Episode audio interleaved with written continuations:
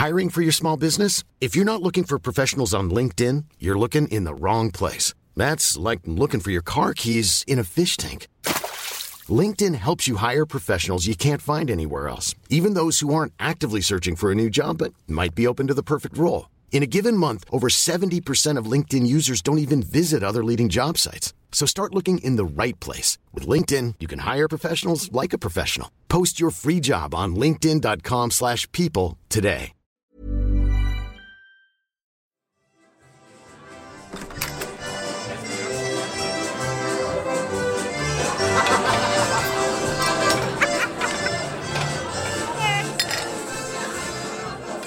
Her får du opskriften på en rigtig god brun sovs. 9 dl fløde, 1 dl stegesky, så tilsætter man et par skefulde repchili, og man tager og smager lidt med lidt salt, lidt laurbær, sort peber, man lader det lige koge op, og så sigter man det fra, og så jævner man med majsena.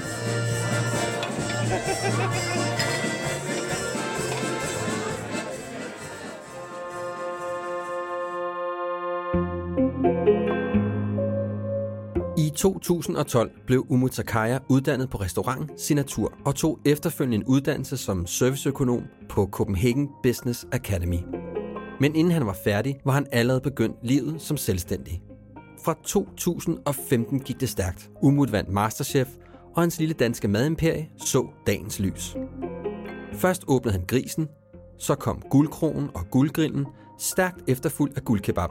Det sidste skud på stammen er drinks, og ja, det skal selvfølgelig hedde guldsusser. Manden er vild med guld. Jeg tror, jeg vil karakterisere dagens gæst som noget af en vildbasse.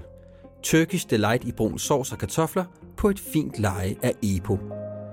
Umut har på meget kort tid opnået en stor succes i hans karriere, og det er uden tvivl blandt andet fordi hans formål står så skarpt. Noget han blandt andet kan takke sine tyrkiske rødder for. Men han har også fået knups, når det kommer til kærligheden. Faktisk så meget, at han har svært ved at se sig selv i en fast relation.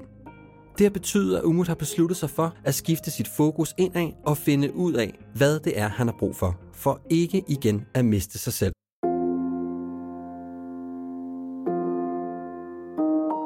Mit navn er Mikkel. Jeg er 43 år, fraskilt og far på halv tid. Og jeg er på jagt efter at genfinde min identitet som mand. Derfor har jeg besluttet at tale med mænd, som jeg beundrer, og finde ud af, hvad deres livserfaringer har lært dem, og forhåbentlig få nogle råd, der kan hjælpe mig videre på min vej til at blive en bedre mand. Velkommen til Handkøn.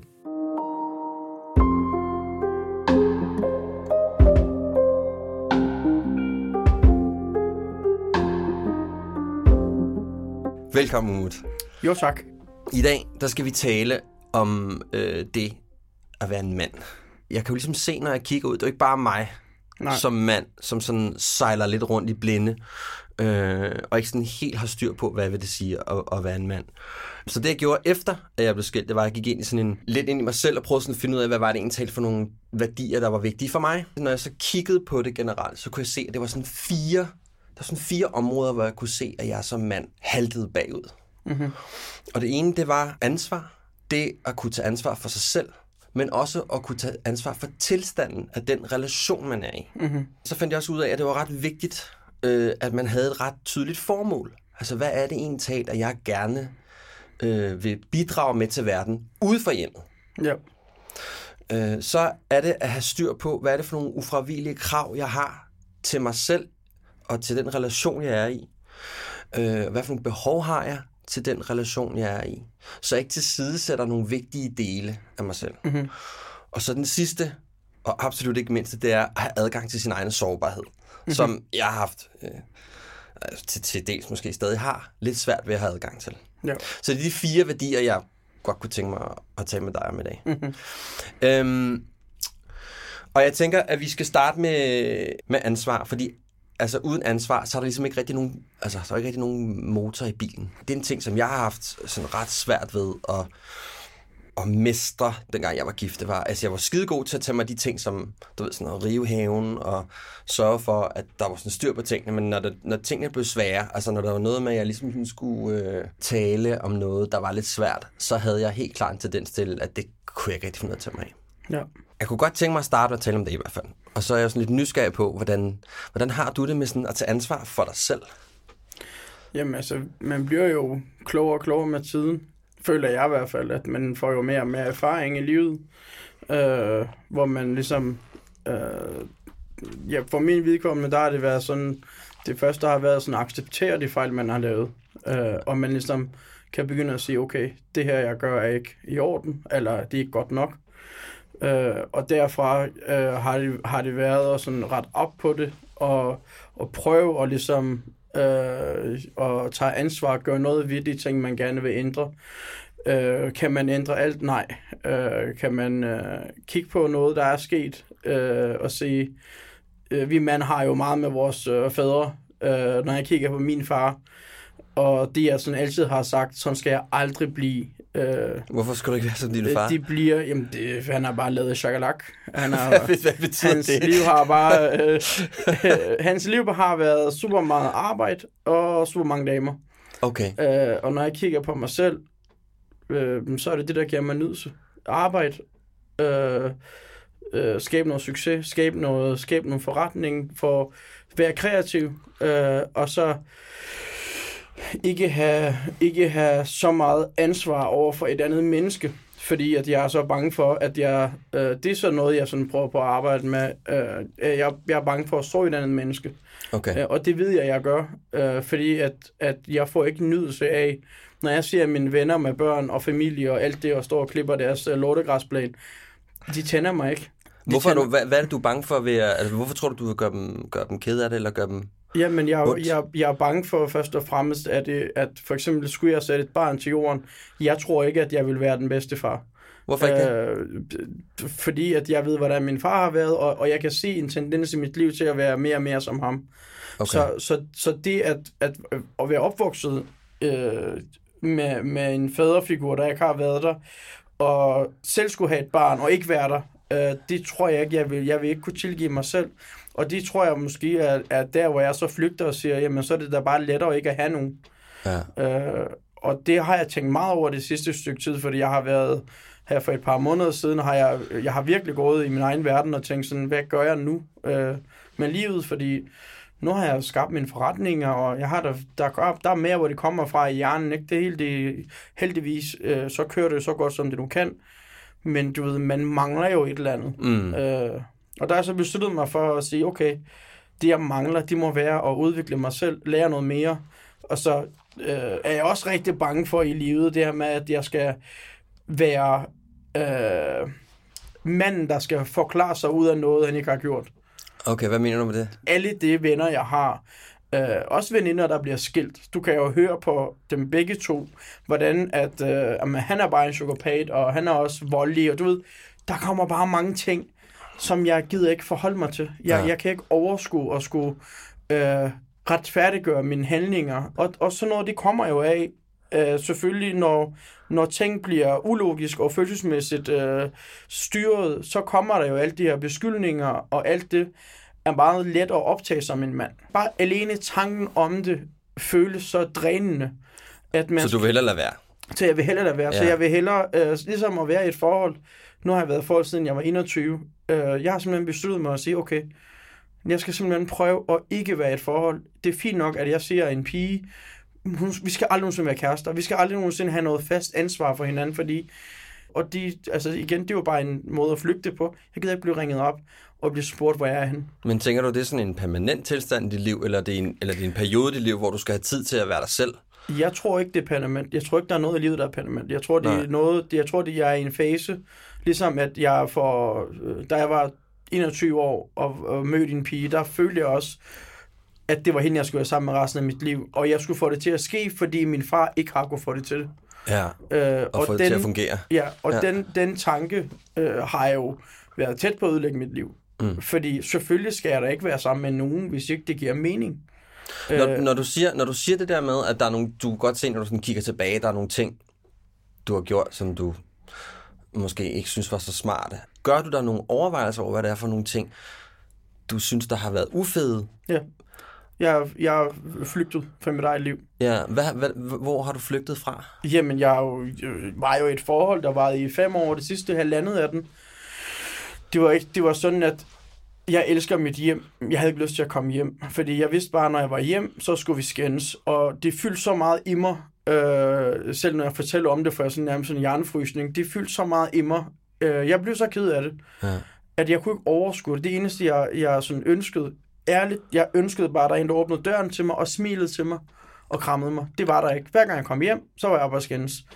Og så øh, ender det så ud i, at jeg ikke gad at komme hjem. Så boede jeg på hoteller her og der. Og, og jeg har det bare sådan, havde det været i dag, så havde jeg bare sagt direkte, havde jeg bare sagt, det, her, det fungerer ikke. Men jeg havde bare en idé, en tanke om, at, at jeg var bedre end min far, og det her skulle jeg få til at fungere.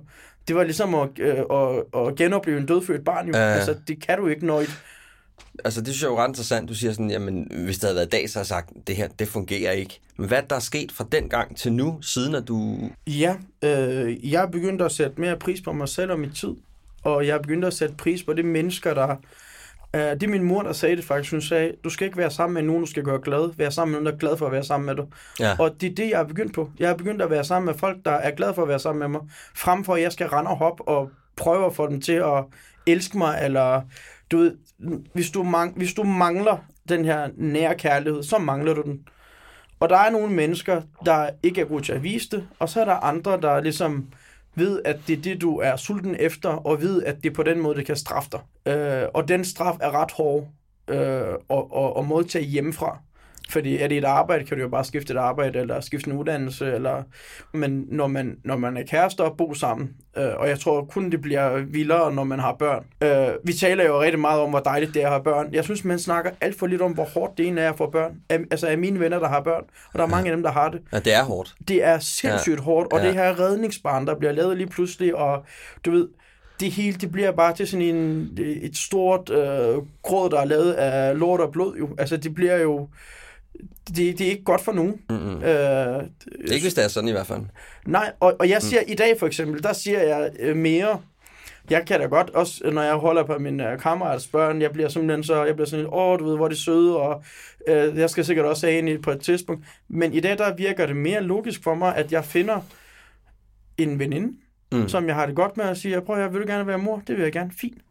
Du jeg- har min fulde støtte, øh, min økonomisk og min, øh, og min øh, øh, Hvad du kan give. personlige tid. Ja. Jeg vil også gerne være der, men Ja. du ved, Hvad, hvad, øh, nu, nu, det sådan, jeg lidt hører dig sige, det er, at du, nu skal du have en periode, hvor at du ikke skal ja. i noget permanent relation, og du skal ikke børn og så videre. Så hvad, hvad er det så, du skal lave i den? Nu ved jeg godt, det er jo ikke fra, øh, fra den 31. eller fra den 30. oktober til den et eller andet. Der er jo ikke en, tænker, der er ikke sådan en start- og slutdato på det. Men hvad, hvad vil du gerne opnå i den periode, sådan rent med dig selv?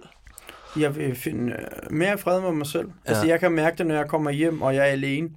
At Jeg kan øh, lave mad og tænde en stearinlys, og sidde og spise alene. Altså, jeg nyder det. Jeg nyder simpelthen ro.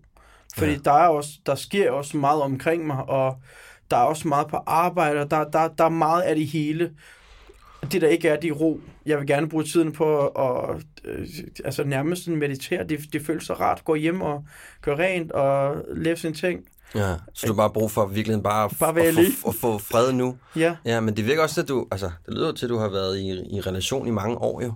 jeg har Så været måske også meget rart lige at få noget, ja, ja. Lige få noget, få noget luft, ikke? Ja. Altså det kender jeg jo også for mig selv. Jeg har jo også, altså jeg har jo haft, altså siden jeg var f- 15, har jeg jo stort Shit. set været i, i, i relationer hele tiden. Mm-hmm.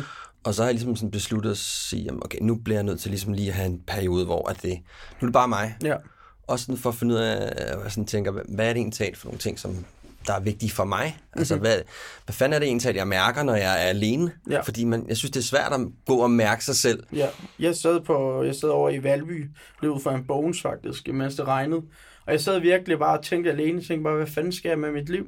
Ja. Fordi det er jo bare, øh, jeg ved ikke om det er sådan noget, jeg er jo 30 år gammel, ikke? Jeg var bare sådan, hvad skal jeg øh, fra nu af herfra? Så ringede jeg til en kammerat. Havde han svaret? Øh, jamen, han er, han er undskyld, men han er det, man kalder sådan en rigtig perker, ikke? Jo. Så ringer jeg til ham, så siger jeg, han hedder Bartis, så siger jeg, Bartis, jeg, siger, jeg har det ikke godt. Jeg, siger, jeg har gået de sidste to uger, og virkelig har det skidt med, jeg ved ikke, hvad jeg skal med mit liv. Og hans øh, svar var, bror man, hold nu kæft, du har masser af penge, gå ud og lave nogle damer. øh, det er selvfølgelig ikke svaret, Nej. men, Men der, der fik jeg sådan en idé om, at okay, jeg må udvikle. Ja. Fordi, Hvad må du udvikle så? jamen, så må jeg udvikle tanker. Jeg begyndte at øh, spille skak igen, og begyndte at tegne og male igen, og begyndte at dyrke mine egne interesser igen. Ja. Øh, og det er, jo, det er jo noget, man giver jo noget væk, når man er i et forhold. Øh, og så nogle gange giver man det væk i mange år, fordi at det skal jo, man skal jo øh, kunne dyrke begges interesser, og ender man ud i noget, der sådan er blevet øh, lidt halvtavligt, så dyrker man ikke hinandens interesser, heller ikke ens egen, fordi forholdet fylder så meget i ens liv. Mm. Øh, og og det, det, det skal jeg bare ikke bede om igen. Jeg vil bare Nej. gerne... Jeg vil bare gerne tage på kunstmuseum og drikke kaffe og Ja. ja. gøre mine ting. Har jeg lyst til at være helt fucked up på Café Victor, så skal jeg også få lov til det. Ja. Ja. Der skal ikke nogen, der ringer til mig og siger, hvor er du? Øh, prøv at høre. Jeg har simpelthen rykket på Danganter, fordi jeg er ikke færdig med at drikke. Nej. Øh, jeg kan også mærke på mig selv, at, at man bliver meget mere... Øh, det er jo meget hårdt til at starte med, når man kommer ud af et, et, et forhold. Ja. At man skal sove alene og helt det her... Er simpelthen, der er noget- Ensomhed, ikke? Ja, præcis. Mm. Men når man ligesom lærer at være i sig selv, og være sammen med sig selv, så begynder det også at give mening. Man bliver mere produktiv, og man bliver simpelthen mere glad, og, men det er som om, man får flere timer på døgnet. Det er ikke, fordi jeg opfordrer folk til at være single, men, Nej. men det de, de er bare rart. Det er det, jeg er kommet frem til, at Ja. det, det er sådan, det fungerer. Ja. Man kan jo hurtigt møde en, man bliver forelsket Mm. i. Altså, det er jo Mm. ikke noget... Det er, også, det er også noget, jeg sådan går og, og har tænkt på, om, om jeg nogensinde vil blive forelsket igen. Om jeg nogensinde ville have den følelse igen, fordi det føler jeg, at man havde, da man var sådan yngre, og, og du ved, virkelig savnede hinanden og alt det. ikke? I dag der er det som om, at det sker sådan en tiendedel af, hvad der er sket, og så tre dage efter, så øh, har man ikke det samme følelse Mm. igen. Nu er jeg jo lige øh, de der 10 plus øh, år ældre end dig, ikke? Altså, øh, jeg, jeg kan... Altså, jeg tror sagtens, man kan blive forelsket. Jeg tror bare ikke, man bliver forelsket på samme måde, som man gjorde, da man var Det tror jeg yngre, vel? Fordi Ja. man, man måske sådan...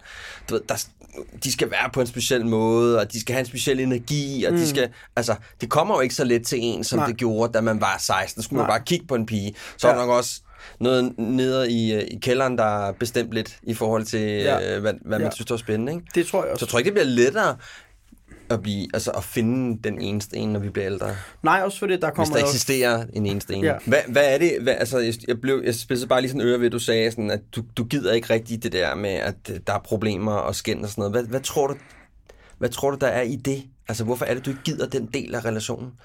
Jeg føler, altså det, der har været fælles ting for de relationer, jeg har haft det sidste stykke tid, er, at jeg føler, at den, når der kommer en ind i mit liv, så kommer der hurtigt den her, øh, det bliver lidt fascineret, øh, og, og de synes, det er fedt, at jeg arbejder meget og engageret, og, og øh, øh, du ved, jeg har mange bolde i loften, og så på et tidspunkt føler jeg, at det går hen og bliver til øh, en form for sådan en øh, manglet opmærksomhed, jalousi-agtige ting, øh, hvor der bliver den her, men det er jo hele tiden dig. Er det, fordi du arbejder meget og sådan noget, eller hvad? Ja, og jeg laver bare mange ting. Altså, jeg Ja. laver, jeg har ikke nogen, øh, sådan en dag som i dag har jeg jo fri. Så sidder jeg her, og så skal jeg Ja. til en møde, og skal jeg til en anden møde, og, og så i aften skal jeg lave noget mad, og du ved, der, sker noget der hele sker tiden. noget hele tiden, og det er det, Ja. jeg elsker. Og, og den livsstil er jo, tror jeg bare er fedt, når det kigger ud fra.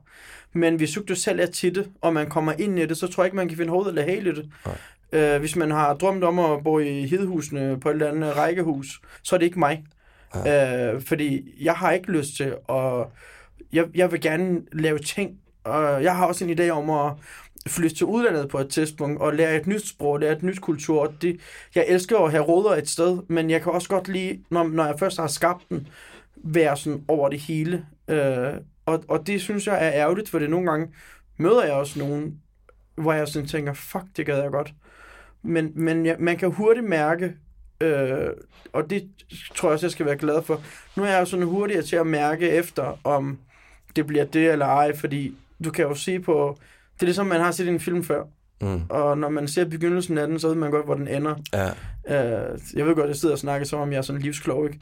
Det er jeg ikke. Jeg er lige så dum som alle andre, men, men det er jo, altså, vi ved jo ikke noget om livet. Jo. Det eneste, vi handler ud fra, det er vores egen, hvad vi sådan lige går og føler og tror på. Men det er jo egentlig også det meget fede i det, ikke? Ja, Det jeg sådan hører dig sige, Det er lige nu, der handler det ikke så meget om dig og hvordan du tager ansvar i en relation. Lige nu handler det om, hvordan tager du ansvar for dig selv Ja. i virkeligheden. Ja. Og begynder at tage dig selv lidt mere alvorligt, Ja. og begynder at sige, okay, hvad er det egentlig selv umut gerne vil, i Ja. stedet for at sige, hvad, hvad er jeg i en relation? Mm. Er, det, er, det det, er det korrekt øh, Det er det. fortolket? Det er det også, altså Ja. både i relationer, men også, også over for andre mennesker. At det her med, det har taget mig utrolig lang tid at lære at sige fra, for eksempel.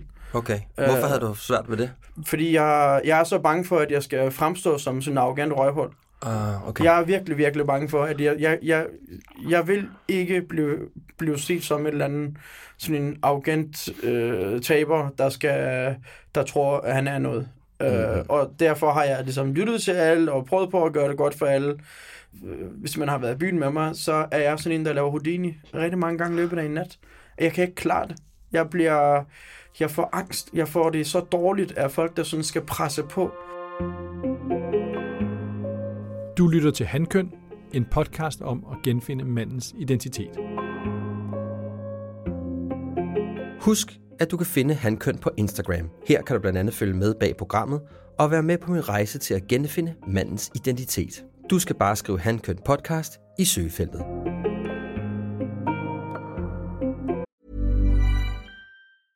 This is Paige, the co-host of Giggly Squad, and I want to tell you about a company that I've been loving, Olive and June. Olive and June gives you everything that you need for a salon quality manicure in one box. And if you break it down, it really comes out to $2 a manicure, which is absolutely insane. It's also so easy to get salon worthy nails at home with Olive and June. The difference between how your nails used to look when you did them yourself and now with the Manny system is a complete game changer.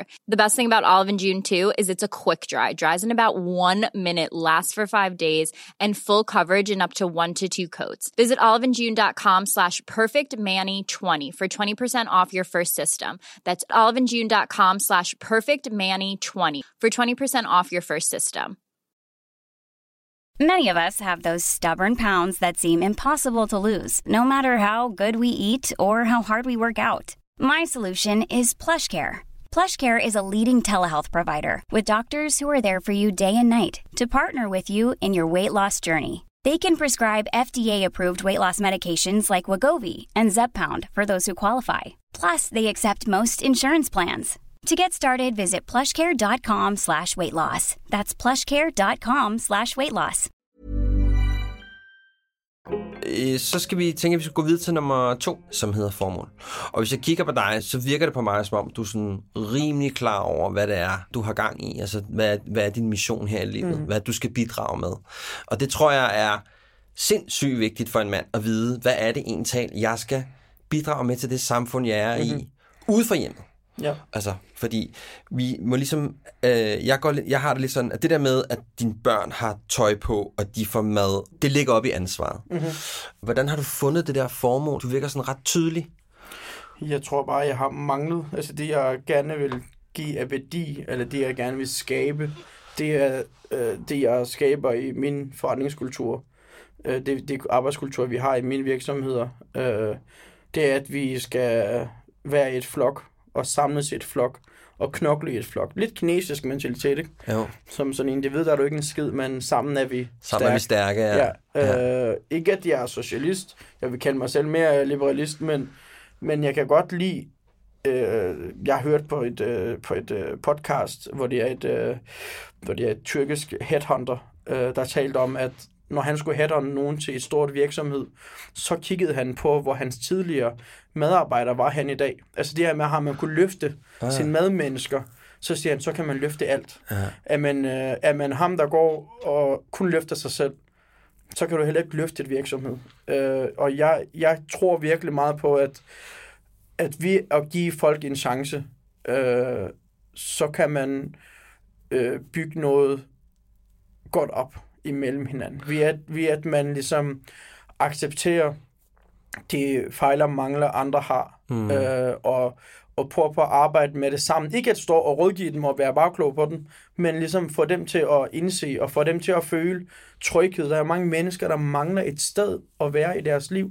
Ja. Det har jeg også selv manglet. Der har ikke været nogen til at, at tage sig af mig, og det er lidt det, vi jeg føler i hvert fald, at jeg sådan gør i mine, i mine øh, virksomheder. Jeg prøver på at, at give dem øh, sådan værdi at have en familie. Øh, at, at, vi, at vi samles. Altså, vi har lige aftalt, at vi skal holde jul sammen, og vi mødes en gang om søndagen til brunch, og vi sidder hjemme hos mig, hjemme hos dem. Vi er meget tætte. Øh, og den tror jeg, i den tid, vi lever i lige nu, specielt i Danmark, hvor vi ikke har så stærke familierelationer, øh, det tror jeg er vigtigt, at man ligesom, udover at man bare venner og drikker tur bajer, men man også har det her øh, familiært, øh, øh, hvad kan man sige, fam, familiært bund til hinanden. Mm. Hvor kommer det fra? Altså, hvor har du fået den idé fra, at det skal... Altså, for mig lyder det mere som sådan et... Altså, du kunne lige så godt have lavet det... så- Du kunne lige så godt have været gartner. Altså, kunne lige så godt have været et andet erhverv, du gjorde det i. Det, det tror jeg også, jeg, ville, jeg havde gjort. Ja. Ja. Øh, det kommer jo af, at jeg kommer jo fra et kæmpe stor familie, som jeg lige pludselig mistede, da jeg kom til Danmark. Eller da mine forældre blev skilt. Okay. Øh, og når du synes skilsmissebarn, så er der ikke, så er det der bare ikke, altså resten af familien er der heller ikke lige pludselig. Øh, og jeg manglede det. Altså jeg har manglet det indtil jeg kom i kokkelærer. Øh, og når man så lige pludselig stod der i køkkenet sammen med de andre i så mange timer, så følte man lige pludselig sådan, "Nå, okay, det er jo en slags, du ved, man føler den her Ja. familiært, ikke? Øh, Så det, det er også meget din det er sådan meget kult, borget af din egen kultur. Ja, det tror jeg, ja. at man ligesom er, er, er, er samlet omkring noget, og man, man ligesom støtter hinanden og hjælper hinanden. Ja. Øh, det, for eksempel, jeg får en kok, der øh, startede lidt skidt. Skriver lidt frem og tilbage med ham, så sagde jeg, også- sagde jeg også til ham, prøv at jeg, du skal love mig bare at være ærlig over for mig, fordi jeg elsker dig. Jeg er her for at hjælpe dig. Øh, og, og jeg dømmer ikke nogen. Jeg er selv, jeg er selv fucked up, og, og jeg, jeg vil ikke dømme nogen. Jeg ved, at, at når, når man begynder at øh, dømme andre, man godt kan lide, så hjælper man dem ikke, man skader dem. Okay. Frem for at få dem til at selv at indse, at det, det, det, det laver, er, er, er, måske lige skal laves om. Og omvendt gør det også ved mig. Øh, det er lige så meget støtte øh, i, i mit liv, at jeg har dem. Og, og, og, og jeg bliver da også øh, pisseglad og stolt, når, når jeg ved, at der er andre mennesker, der ligesom... Øh, altså, at vi har et fællesskab. Øh, godt Ja, nok- et fællesskab, du har været med til at skabe. Præcis. Ja. Og det kan jeg virkelig godt. Jeg kan godt lide fællesskab. Jeg kan godt lide, at man, igen det her med, at man giver folk en chance. Jeg tror tit og ofte sker der det, at man, man siger en, der fucker op i noget, og så tager man bare afstand. Jeg tror, det rigtige at gøre er, at man lige sætter sig ned og snakker med dem. Og det er svært som mand at gå over til en anden mand og sige, hey, øh, jeg kan se, du har fucket op 10 gange i træk nu. Er der noget galt derhjemme? Ja. Det er virkelig svært. Ja. Øh, og det øh, hjælper meget, fordi 90% så øh, sidder du med en kok eller en kokkeelev, der sidder og tuder og fortæller om, hvor fucked up tingene er. Hmm. Og man ligesom sammen finder en løsning og, og, og støtter den. Det er jo også sjovt, ikke? Fordi er der noget, som sovs og kartofler kan, ikke? så er det jo lige præcis det. Ja. Altså, altså brun sovs og kartofler, det er vel, og en, og en ternet du, det er vel i virkeligheden, det er sådan det gamle danske kultur Ja. omkring det der, men vi er sammen om bordet, og vi drikker Ja. en bajer, og vi synger en vise, ikke? Ja. Altså, det hænger jo meget godt sammen med hele din, øh, den måde, du sådan, at du ønsker at lave nogle fællesskaber, mm-hmm. øh, arbejdsfællesskaber. Ja. Men hvor, hvad, altså, hvordan fanden ender det med sovs og kartofler? Altså, hvorfor er det ikke endt med øh, confit de canard? Jamen, jeg tror bare, det er øh, ikke, at jeg sådan helt tror på skæbnen, men det gør jeg lidt alligevel. De er jo, de er jo bare endt sådan, fordi at jeg, altså livet har vejledt mig til den vej. Ja. Jeg er meget spontan. Jeg siger ja til alt muligt underligt. Men hvor start, altså du er uddannet kok, ikke? Jeg er uddannet kok, men det er hele, hele Hvorhenne? dansk mad. Øh, jeg er uddannet fra noget, der hedder Signatur. Jeg har været på Skårsød Hotel som elev. Okay. Og så endte jeg ud i Signatur, som så ikke findes længere, fordi den gik i konkurs efter 8 måneder. Det var meget fedt. Men jeg, jeg har jo lavet mad til plejehjem før, og så... Jeg, var jeg har været lærer inden det. Og der, da jeg var i lærer, der var jeg... Øh, jeg, var, jeg var sådan meget... Jeg skulle være konkurrencekok, og jeg skulle lave fine dining, og ud og arbejde volontør her og der, og du ved... Og de elsker jeg, og de øh, elsker jeg stadigvæk. Men så øh, gik jeg selvstændig. Øh, og der, der jeg gik selvstændig, der lavede, jeg, der lavede jeg mad til plejehjem. Og jeg kunne se, hver gang jeg postede noget af de mad, det fik det gamle, så gik altså, min Instagram og Facebook gik amok. Folk ja. elskede det. De elsker sovs. Fuldstændig. Nej, Ja. men det er også sådan noget glaseret hamburg og boller i kaj og paneret flæsk og tarteletter og rødgrød og gulerodski. Du ved, alt sådan noget, der er dansk. Folk elskede det. Og så, det var faktisk en flæskestegsandwich, jeg postede, og den fik rigtig mange, altså dengang kan jeg huske, at jeg fik sådan noget 400 likes. Det var helt vildt. Jeg var bare sådan, hvad? Ja. Alt det fine mad, jeg står fucking laver, ud og plukker urt og sådan noget, de folk bare ligeglade med. De vil bare noget det flæsk. Ja. ja. Og så, og jeg, jeg, kan, jeg, jeg, jeg elsker flæskesteg selv, altså øh, flæskesteg sandwich og hele det der jule øh, tam tam øh, bord, ikke? Så da jeg så vinder Masterchef, der snakker jeg med Jakob Milke øh, omkring, hvad jeg skal lave. Så siger jeg til ham, så siger til ham, prøv at jeg åbner en fucking grillbar. Så sagde han, det har han fandme tænkt på i mange år at gøre. Så siger jeg, det gør jeg. Så købte jeg nogle lokaler, og så åbnede jeg en grillbar, og så Hvad hed den? den hed Grisen. Ja, det er grisen. Den har jeg ikke mere. Det var den, jeg havde med min eks-eks-kæreste, Ja. hvor hun lavede chokolade på mig. Ah, Man bliver klogere, ikke? jo, jo. Man bliver klogere. Ja. Ja. Og så er det udviklet sig til... Øh... Ja, men og så blev det til sådan noget, så fik jeg en idé om, at jeg gerne ville gøre noget for dansk madkultur. Altså ligesom jeg laver en kro, jeg laver en grillbar, så endte jeg selvfølgelig med at lave kebab. Det er ikke så dansk, men den er justeret til danske smag, øh, kan man sige. Og jeg har da også en idé om at for eksempel lave en forsamlingshus. Øh, jeg har også en idé om at lave en stor biergarten-agtig, sådan en stor bodega, ikke? Og det, altså, jeg kunne også godt se mig selv, i, når jeg, et eller andet dag, når jeg har rigtig, rigtig mange millioner, så kan jeg virkelig godt have sådan en kro, sådan en rigtig landevejskro. Ja. Den skal ligge det mest fucked up besværlige sted nogensinde, og så skal jeg ikke tage mig under reservation. Og der skal ikke være nogen åbningstider. Det skal bare være... Ja. Come on in. Det skal bare være sådan Ja. en, du kommer ind, der er sgu ikke nogen bord, desværre. Ja. Du ved, jeg, jeg kan godt lide den her gammeldags øh, dansk betjening, der er sådan, altså det er jo super røvhulsagtigt, det der gamle tjener, ikke? men jeg elsker det, det er voksent. Og det er sådan, det er menneskekender, og det er også Et nej er nej, ikke? Ja, ja, og det Ja. er sådan halvberuset, og jeg elsker det. Ja. Hvordan har det der formål udviklet sig? Er det noget, du sådan har vidst i lang tid? Eller hvor kommer det fra, det der med, at du lige pludselig tænker, øh, nej, jeg vil skulle lave de her sociale sammenhold, både ude i, på, i restauranten, men også øh, inde i køkkenet? Mm. Altså, hvor kommer det fra? Jeg har altid været omringet af, af venner. Jeg har været god til at... Jeg har været ham der, der gik hen og spurgte, hej, vil du lege? Øh, og, og derfor har jeg altid haft venner. Vi flyttede meget, da jeg var barn også. Øh, og jeg tror bare, det, det er ikke fordi, jeg sådan har haft det indeni, men, men det har altid været der. Det er noget, der altid har fulgt med mig, at jeg sådan skulle have noget, nogen omkring mig.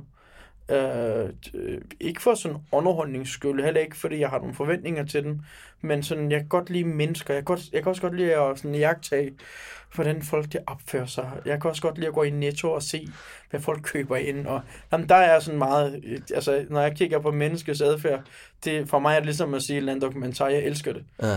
Øh, jeg elsker også skæve typer, og altså sådan nogle fucked up typer, ikke? Øh, Bodega-typerne. Ja, ja, sådan nogle, der har sådan nogle mennesker, der har spændende historie, ikke? Ja, Øh, dem er jeg så vild De er, med. de er tit ret spændende, faktisk, når Ja. man sætter sig ned og taler med nogle, dem, ikke? Ja, sådan nogle karakterer, ikke? Frem for, at man bare er et eller andet... Poleret, øh, poleret lille ting. Jeg synes, du sætter jo ret sådan tydelige ord på, det er det her, jeg laver. Jeg er interesseret i de her sociale ja. kontekst. Det er det her, der er interessant. Hvornår begynder det ligesom sådan at blive tydeligt for dig? Det, det, er kommer det, lidt vil? af sig selv, tror jeg. Det, der har ikke været sådan en fra dag til dag. Nej. Øh, jeg har de udviklet har, sig. Ja, men jeg tror, det har været mere det her med, når du har mødt de rigtige mennesker og, og mærker en form for tryghed i din hverdag sammen med dem, og de også føler det samme, så begynder man at sådan opbygge en form for sådan en community-samfund. Og, og det, er, det, det er det, jeg føler, sådan vi har det på, på mine restauranter. Altså, folk, det er jo meget normalt i restaurationsbranchen, at folk skifter job ligesom i tv-branchen her der, ikke? Det, det Ja. gør man. Det er, sådan, det er ikke sådan, når du er et sted 15 år. Altså, vi har folk, der har været der i fire år nu. Og vi Det er er, lang fire år tid. gamle. Det er lang tid. Ja. Altså, det er folk, der har været der fra start af. Ja. Øh, hvilket er fantastisk. Og det er det også. Jeg sørger det også for, at der skal være et tryghed og arbejde. Det skal, der skal ikke være nogen, der råber og skriger i min butik. Der skal ikke være nogen... Folk skal arbejde, alt skal gøres ordentligt, men, men derfra skal det ikke være de her unødvendige øh, raserier. Øh, og heller ikke, en Ordentlig tone. negativ, heller ikke en negativ tone. Jeg kan også godt mærke, at nogle gange, så skal, man, så skal der være en voksen, der lige siger, stop. Og det øh, føler jeg, jeg gør nogle gange, hvor jeg siger til personen, sådan, skal vi ikke lige stoppe det her? Vi skal ikke svine bord 4 til. Ja. Hvis bord 4 er for irriterende, så bytter det tjener. Øh, og hvis det bliver for irriterende, så kan vi bare smide den mod. Men der skal ikke være negativ tone i vores hjem, fordi jeg ved fra mit tidligere forhold, at negativitet, det arver negativitet. Ja, det det bliver bag. bare... Jeg kan virkelig godt lide mig selv, og jeg nogle gange kigger jeg også på mig selv og tænker, fuck, hvor du bare fuck. Det er derfor, jeg har fået malet mig selv som syvårig, så jeg kan, jeg kan kigge på den og sige, okay, du er stadigvæk den samme. Ja. Øh, Har, har du fået lavet sådan et, øh, ja, et ja, portræt? på et, på et spejl. Okay, så du kan lige kigge lidt. Ja, det er, når jeg er helt brændt, så kan jeg lige kigge på den, når jeg kommer hjem fra byen. Det er en god idé. Ja. Ja. Men, men du ved, det, det er... Det kan være, at vi alle sammen i virkeligheden skulle have sådan et derhjemme. Ja, at man kommer hjem og kigger og siger, okay, du er stadig Nå, en ja, lille ho, jeg er dreng, stadig en lille dreng, der, er, der stadig tror på livet Ja. og er naiv. Ja. Ja. Mit ultimative drøm af livet, ikke? det lyder, det, det, det er ret skørt. Jeg har sagt det et par gange før, men, men det er virkelig at købe et landsby og skabe et samfund. ja. Og, og producere noget af jorden. Uh, altså, jeg har virkelig gået og tænkt over det. Så jeg gad godt at lave sådan en landsby, hvor jeg, altså, hvor jeg, hvor jeg fortalte med folk og gav dem glæden af at producere noget selv. Og være ikke, ikke bare det her hippie-tanke med, at man skal være selvforsynet og leve uden. Nej, nej, vi skal have penge til, og vi skal producere noget, og børn skal have en uddannelse og alt det. Men, men ligesom, jeg gad virkelig godt at prøve det. Jeg gad godt at prøve at skabe et virkelighed, hvor det ikke er det her, vi har gang i. Det synes jeg er jeg, smukt. Jeg har gået og tænkt på sådan noget som... Her den anden ting, jeg bare sådan, sådan, hvad fanden skulle så motivere folk, fordi i dag, der bliver min lille søster, som bor i Tyrkiet, hun bliver motiveret af en Fendi-taske, øh, eller en Gucci-sko. Men jeg tænkte sådan, hvad fanden skulle det blive motiveret for? Så tænkte jeg sådan, måske skulle man gøre viden mere øh, tiltrækkelig. Måske skulle man gøre øh, hobbyer mere sexet, så man kan få lov, du ved, Ja. bygge byg et samfund, hvor det ikke handler om, at man skal have en Gucci-sko, men det handler om at, at være i fællesskab, hvor man dyrker jorden sammen, øh, får lavet nogle produkter, øh, du ved, gør noget, gør noget i next level. Jeg mødte en, øh, en mand, der ejede en, tredje, en to tredjedel af hele Gigondas i Frankrig, vinproducent. Sønnen, Ja, han Gigondas, studerer, ja. ja. Sønnen, han, øh, Pierre Raymond, hedder huset. Sønnen, han har studeret økonomi i New York. Han har sagt, fuck det her. Han gider ikke have noget med druer at gøre. Han tager til USA, studerer, bliver derovre, kommer til en sommerferie, så sagde han, han sagde, han kunne ikke gå, fordi den her, det her, han sagde, det her jord, det her mennesker, det havde noget med at gøre. Han sagde, de manglede ham. Og Altså han, i, i Wien? Altså i, Wien, i, over i ja. Frankrig, hvor han kommer fra ferie. Okay. Og han så siger, han siger, han kunne ikke gå. Selvom alt det, han havde i New York, det var ligesom han ville have haft det, men Ja. den her, han sagde, den her glæde af, at alt det her mennesker, altså han sagde, hele den her by er vores. Han sagde, det er vores mennesker. De skal, du ved, de, de har brug for en, der faktisk også kommer med viden for det. Det var det, hans far havde sagt, at de skal uddanne sig så højt som muligt, og de skal komme hjem og gøre det bedre herhjemme. Ja. Du lytter til Handkøn, en podcast om at genfinde mandens identitet. Jeg kunne godt tænke mig at tale omkring det der med, og det tænker jeg måske også er lidt sjovt at tale med dig om. Jeg skældner imellem det at have ufravigelige krav, og det der er behov. Altså ufravigelige krav for mig, det er sådan noget med måden, vi taler på, måden, vi er til stede på sammen i relationen. Mm. For eksempel, du siger det med, at man, jeg har ikke lyst til at være i en relation, hvor det hele tiden skal være tungt, og Ja. så skal man finde ud af, hvorfor det er sådan, selvfølgelig, mm-hmm. videre. Øhm, så der er nogle grundlæggende ting, jeg tror, man skal have som, øh, som menneske, som gør, at man ikke tilsidesætter nogle vigtige dele i sig selv, og man ikke begynder for eksempel at flytte på et hotel for at undgå Ja, det. Ikke? ja. Og så er der nogle behov, altså det der med, at du siger, men nogle gange har jeg sgu brug for at gå ud med drengene, eller mm. jeg har brug for at tage til Frankrig og drikke vin, jeg har brug for at tage ud og fiske, jeg har brug for alene tid. Det er ting, der er mere fleksible, det er noget, man sådan kan passe ind. Mm. Har du sådan en idé om, hvad det er for nogle ufravigelige krav, du har til for eksempel, hvis du nu bare leger, at du skulle en dag finde på at gå ind i en relation igen. Hvad er det så for nogle krav, du ville stille til din fremtidige partner? Altså, jeg vil klart have, have mit eget rum, mit eget sp- space. Ja, altså sådan fysisk. Det er øh, ja, også psykisk. Altså, Også psykisk. At, at, man, at man forstår, når man siger, ikke lige nu, så skal man vide, det er ikke lige nu. Mm. Øh, jeg vil godt kræve, at, at når jeg kommer hjem, så vil jeg gerne have et smil. Og inden jeg går i seng, så vil jeg gerne have et kys. Du ved, det her øh, ting, der sådan har, en, har, en, har en betydning i vores, i vores hverdag, øh, der gør, at man kan holde ud at være i et forhold. Ja. Øh, jeg, jeg gad godt, at man ikke øh, øh, for eksempel stillede for mange spørgsmål. Og jeg gad også godt, at man... Hvad mener du med det? Jamen, at, at, Altså på tidspunkter, man ikke stiller nok spørgsmål? Jamen, eller? at, at man ikke bare øh, du ved, prøver på at grave i noget, man vil blive ked af. Okay, så vi- en eller anden kultur, mennesker- hvor måden man taler til hinanden Ja, på. ja altså, altså Ja. Du, skal, du skal tænke på, at nogle gange ved man jo godt, at man vil blive ked af et svar, men man vil gerne have den alligevel. Ah. At man så siger, På den måde. ja, øh, altså... Det lyder bitter, synes du bitter erfaring, det der. Ja, synes du ikke, jeg gør nok af ud af mig selv? Men du ved ikke høre svaret. Ellers havde jeg ikke købt af hele magasin. Men når jeg så gør det, så er det jo ikke fordi, at jeg synes, du skal straffes. Det er jo fordi, at jeg gerne vil have, du gør noget ud af dig selv. Ja. Fordi jeg går noget ud af mig selv for dig. Jeg vågner op om morgenen og går i bad og børster tænder og laver en kop kaffe til dig og mig. Så forventer jeg dig det mindste, at du lige redder dit hår. Du ved, Ja. alt sådan nogle, du ved... At, er der nogle jeg- minimumskrav? Nej, men du ved, det her med, at man ligesom øh, gør noget for hinanden, det skal ikke forstås som, for eksempel at servicere hinanden. Jeg elsker at lave mad. Jeg elsker at servicere dem, jeg holder af. Altså, det er virkelig. Øh, jeg elsker at også, du ved, øh, øh, gøre noget specielt for den. Men, men jeg kræver dig, jeg forventer dig kraftigt med også, at det rydder bordet. At, at der også ja, kommer en anden indsats. noget, der kommer noget den anden vej. Ja, øh, Ja. I, et, I et forhold er det også super vigtigt, at man kan tale sammen. Når jeg siger tale sammen, så er det sådan, når jeg siger, hej skat, hvad har du lavet i dag? Så skal det ikke komme sådan en, "Jamen, jeg var sammen med min mor. Men hvad lavede I? Vi hyggede. Du ved, så er snakken færdig. Ja, så er man er nødt til at sætte ord på sine fucking handlinger. Man er nødt til at bidrage med noget. Det her par, der tager på restaurant, sidder ned, ikke rigtig snakker. De har svaret på alle spørgsmål med ja og nej.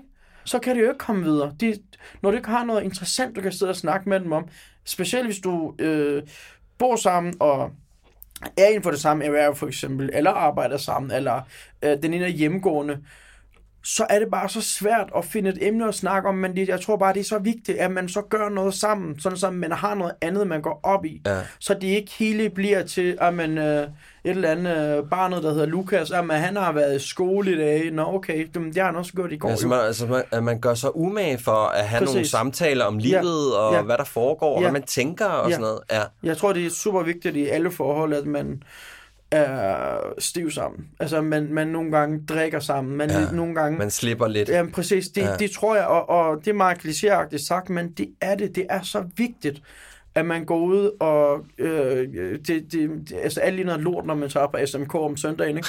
Men bare det, at selvom man er tør, man lige rejser sig op og lige gør noget, får noget ud af dagen, lige får, drikker en kop kaffe, går en tur sammen, snakker sammen. Så nogle ting gør jo, at det er også selvfølgelig super hyggeligt at bare ligge på sofaen og flade ud, ikke? Men, men man skal fandme... Altså, jeg har selv været rigtig dårlig til det. Øh, hvor øh, øh, Clara, min ekskæreste, hun var super god til at få mig ud af sengen og sige, nu går vi lige en tur, ja. nu går vi lige i, i ja. et eller andet. Hun vidste også godt, når jeg sagde, altså nej, nej, så var det også et nej, men så gør hun det bare selv. Og mm. det gjorde, at jeg var sådan, gud, jeg vil også gerne tage til den udstilling, ikke? Men, Men det er også noget, altså jeg hørte lidt sådan, altså, øh, eller jeg sådan fortolker lidt som at lege lidt sammen. Ja. Altså have det sjovt at lege. Ja, ja. for det, hvis ikke man gør det, øh, da jeg var barn, der tænkte jeg tit over, hvordan det må, må være at være voksen. Det svar kan man hurtigt finde, hvis man øh, møder en af de her typer, der arbejder et eller andet sted. Og du ved, for mange mænd, når du spørger dem om deres kone, selvom vi snakker om en hvid civiliseret mand, så snakker de om det. De er ikke glade for deres liv. De er ikke glade for deres kone. Nej. De siger det som, øh, som værende et form... Altså, Det er pligt. Ja. Ja. Og sådan burde det ikke være. Jeg siger bare, hvis man føler, at det, man har derhjemme, at det ikke er ren kærlighed med en pligt, så skal man stoppe det. Ja. Og det kan godt være, at der er et eller andet hus og bil og alt muligt børn i vejen, men prøv at alt skal nok ordne sig. Ja. Stop det, fordi livet går, og man står der og... Et, altså der, jeg kender fandme mange, der er i et ulykkeligt forhold. Og så er det et andet, der binder dem sammen. Det er ikke kærlighed. Og ja, du kommer i noget gæld. Ja, det bliver noget bøvl det hele, men det tager måske et par år. Det og, passerer. og så, og så er du over, og alt kommer over på. Jeg har selv skilsmissebarn, og jeg har mistet venner 100 gange. Øh, du ved, hele tiden rykket rundt, og man kommer over det. Man mm. kommer over det. Jeg har fucking mistet mit første forretning, som jeg har skrabet med mine egne hænder. Man kommer over det. Alt, mm. alt går over. Der er ikke noget, der er uundværligt. Men det eneste, der er uundværligt, det er tiden. Den løber fra os, og, og det er ord, man ikke siger i et forhold. Og det er sjovt nok, at vi voksne mænd, vi kan sådan lukke øjnene og tænke, at det skal nok blive bedre. Det gør det bare ikke. Der er ikke noget, der bliver bedre, at vi lukker øjnene og tænker, at det skal nok gå over. Det er jo ikke et mareridt, jo. Nej. Det er jo livet selv, og, ja. og der er man nødt til at gøre noget. Ja. Der er noget med, at du skal have, du skal have et frirum, altså fysisk ja. og psykisk frirum. Skal være en relation, hvor, at der er, hvor I er en interesse for hinanden, hvor at, øh, at, at øh, man, man gør sig umage for at tale sammen, Ja. og at man så også skal kunne lege sammen. Ja, altså man har så andre interesser. Både for sig, men Ja. også sammen. Ja, ja.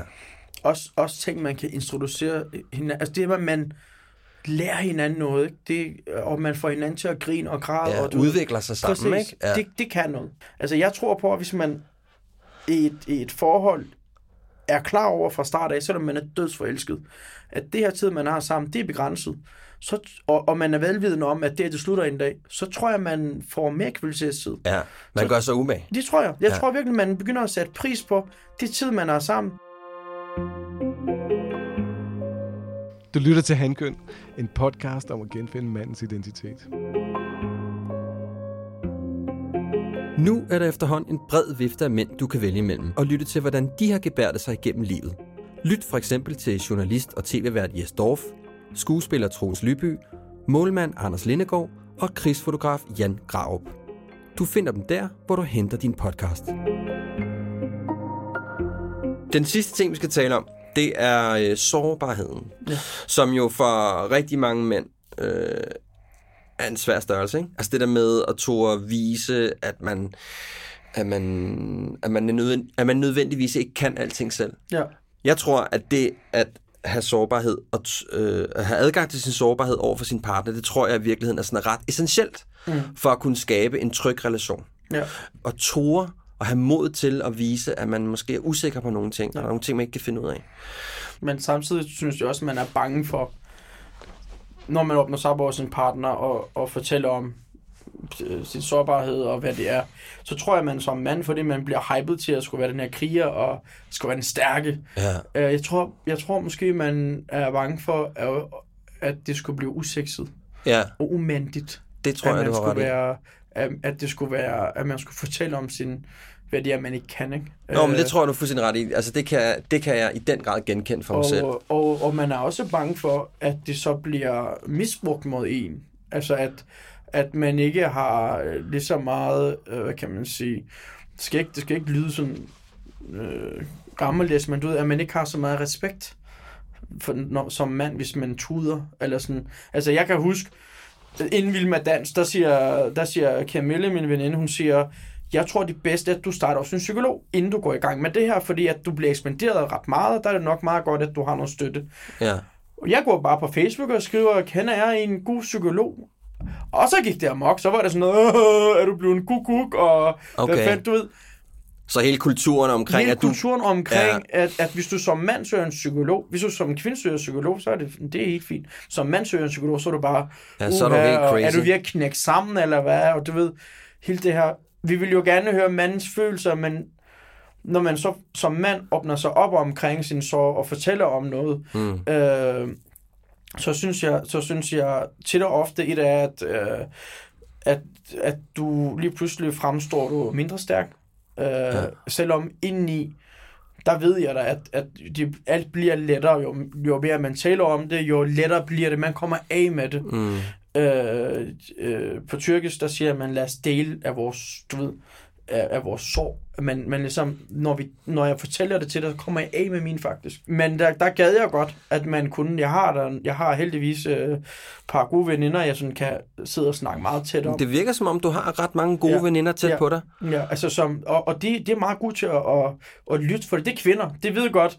Ja, Det er de gode til. Ja, præcis. Men Ja. det er jo fordi, hvor, vi er mænd, vi er jo bare løsningsorienterede, og kvinder, de er følelsesorienterede.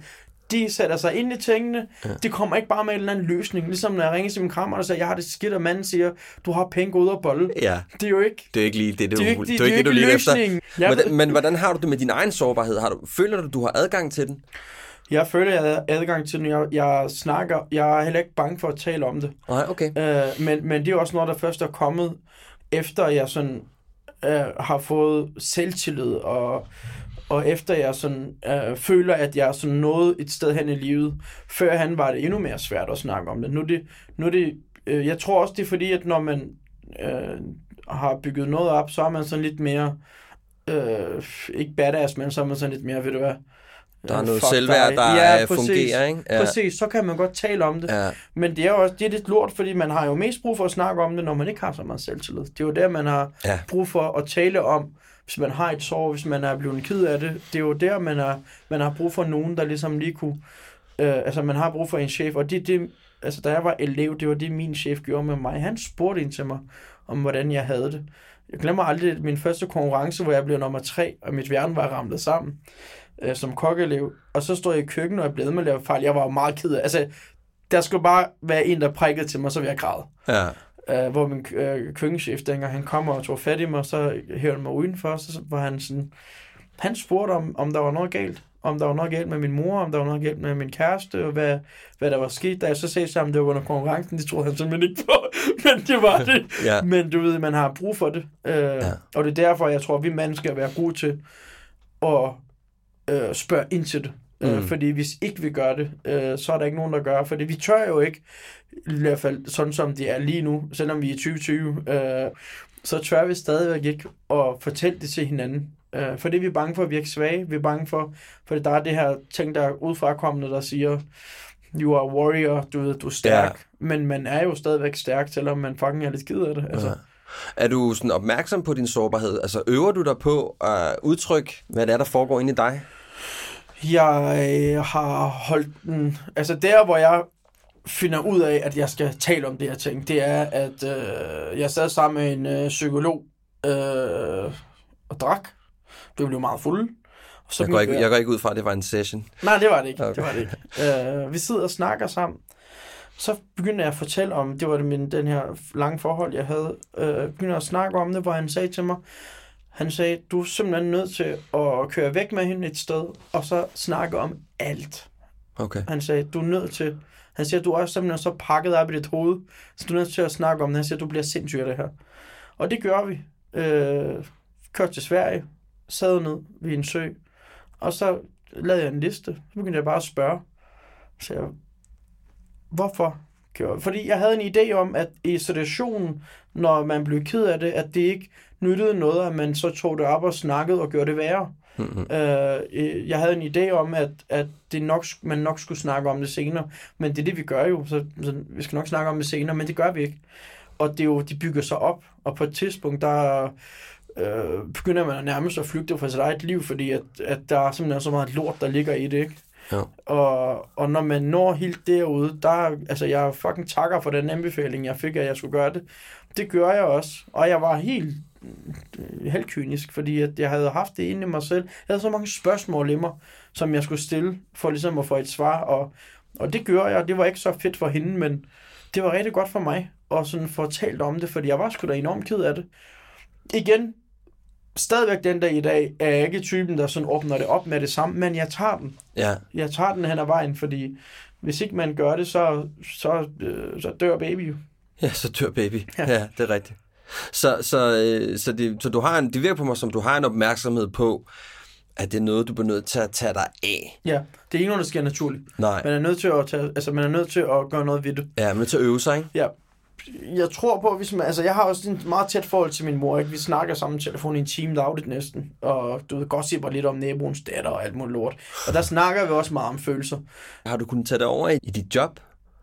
Ja, der er det meget nemmere. Ja. Der kan man... Øh, Der har du ikke så svært ved at... Nej, nej, fordi der, øh, jeg tror, altså der er grund, jeg tror, grund til, at jeg tror, det er nemmere, er, at øh, jeg tror ikke på, at min personale er i tvivl om, at jeg elsker den. Mm-hmm. Øh, jeg tror ikke, det er i tvivl om, at jeg ønsker den det bedste. Øh, så, så når jeg siger det, når jeg siger ting, så jeg siger det også øh, pædagogisk, men, men når jeg siger ting, så er jeg sikker på, at de ved, at jeg siger det, fordi at det er noget, vi skal bare have løst, og så er den ud af verden. Og det, det føler jeg, er ret god til. Jeg er bærer knæ. Altså, du ved, jeg ønsker, at alle bliver milliardærer, og alle får det fedeste liv i hele verden. Men du ved, jeg tror, de ved godt, at jeg elsker dem så meget, så når jeg siger noget, sådan, øh, det kan også være, at hvis det er ked af noget andet, at vi så lige tager den og siger, hey, ja.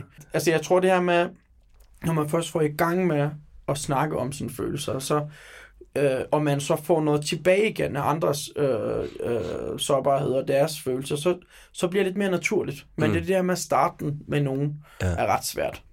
Altså, du siger sådan i starten, eller i starten, da vi talte om det her, at, at efter du sådan var begyndt at have din egen virksomhed, og du kunne mærke, at dit Mm. selvværd steg, og din selvtillid steg, Ja. det var sådan der, at du, du sådan fik adgang til din egen, til din sårbarhed. Ja. Fordi Ja. jeg følte, at det var nemmere at tale om det. Jeg ja. følte, at jeg var stærk nok til, at jeg kunne Ja. fortælle om det. Okay. Øh, og og inden, inden der har det bare været, altså der øh, gik man bare, altså man bed det bare i sig jo, Mm. ligesom alle andre mennesker gør. Man går bare med det i hovedet og tænker, men det er ikke noget, man fortæller til nogen, fordi at du ved, der er, man føler også bare, at det er, at man er mindre vigtig, om, om, om gider folk overhovedet at høre om dine problemer. Ja. Øh, gider det overhovedet at tage stilling til det, eller er det bare noget, de vil fortælle videre? Det er også det, er også det at man, man, man vil jo åbne sig op over for nogen, der ikke bare går ud og siger det til 300 andre mennesker. Øh, og det, det, er også, altså det, det er noget, jeg også virkelig sætter pris på, at når man siger noget, at de så bliver der. Lad os nu antage, at hvis du for første gang fortæller om din sårbarhed, og jeg så går render rundt og fortæller det til andre, så stopper det jo fuldstændig. Ja, så stopper den proces. Fuldstændig. Ja. Ja. Og du kommer måske aldrig til at tørre at åbne dig op igen, på grund af den, den ene ja. øh, idiot. Ikke? Så der ligger også et kæmpe ansvar i, at man ligesom lukker røven, når man Ja. har talt om det, og det er ligesom noget, der sker her, bliver her. Hvis du skulle her til sidst, hvis du skulle give et råd til, hvordan man sådan kunne komme i gang med at arbejde lidt med sin sårbarhed, havde du så, havde du så et, et, et bud på det? Ja, jeg tror, at øh, være, være god til at tænke over, altså tænke over handlinger, og, og være, være god til at øh, finde nogen, om det så er eller en, eller to, eller tre, finde nogen, og det kan lige så godt være ens mor, eller ens mormor, mm. altså ens bedsteforældre, der lider bare sidder derhjemme og siger fjernsyn. Snak med den, det er jo livsklog jo. Men jeg tror bare, man skal mærke efter og finde en, man kan fortælle, altså tale med det om, fordi det gør da klart ens liv nemmere, at man får talt ud, Ja. øh, og, og dropper det der fucking, øh, som ligesom kællinger skal vi sidde og snakke. Ja, ligesom kællinger skal du sidde ned og snakke, for det hjælper. Ja. Det hjælper på rigtig mange ting. Det kan fylde enormt meget i ens hoved, hvis man har, altså hvis man går og er ked af det, det kan jo virkelig Det kan virkelig øde- ødelægge dagen, ikke? fuldstændig Ja. tale om det, og man skal fandme tale om det med nogle mennesker, der kan bære det. Ja. For det, du giver også det menneske et ansvar. Altså, de får jo noget, altså det er jo det, vi kalder noget af fucking- Ja, Umut, det var, øh, det var virkelig interessant at tale med dig. men tak for, at jeg måtte komme. Jeg synes, vi skal snakke mere om følelser. Ja, det er jeg enig med dig i. Skål. Det, der var virkelig sjovt ved at have Umut ind i studiet og få lov at gå på opdagelse i hans noget anderledes og i den grad højoktan hoved var, at jeg faktisk fik et par gode påmindelser med på vejen. Husk nu, at det er vigtigt at lege i parforholdet, og ja, i livet generelt. Og at tiden, den får du ikke tilbage. Så måske ville det være en god idé ikke at spilde dit liv og få ryddet op i dine relationer. Ja, jeg ved godt, det lyder som noget, der står på et kaffekrus. Men det er nu engang sandheden. Og at når dit formål brænder så klart, som Umuts gør, jamen så har du altid en stærk base, du kan søge hjem til, når der er lige lovlig meget røg i køkkenet. Næste gang går vi over i en anden boldgade, for der skal jeg tale med den tidligere skuespiller, tv-vært og nu forfatter, Pelle Venegård. Indtil vi lyttes ved igen, så husk lige at trække vejret og tage dig den ting, som ligger og nærer dig i baghovedet. Ja, lige præcis den der. På rigtig flot genhør.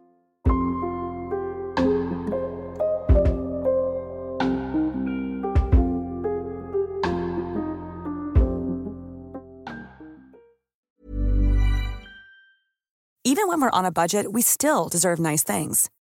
Quince is a place to scoop up stunning high-end goods for 50 to 80% less than similar brands. They have buttery soft cashmere sweaters starting at $50, luxurious Italian leather bags, and so much more.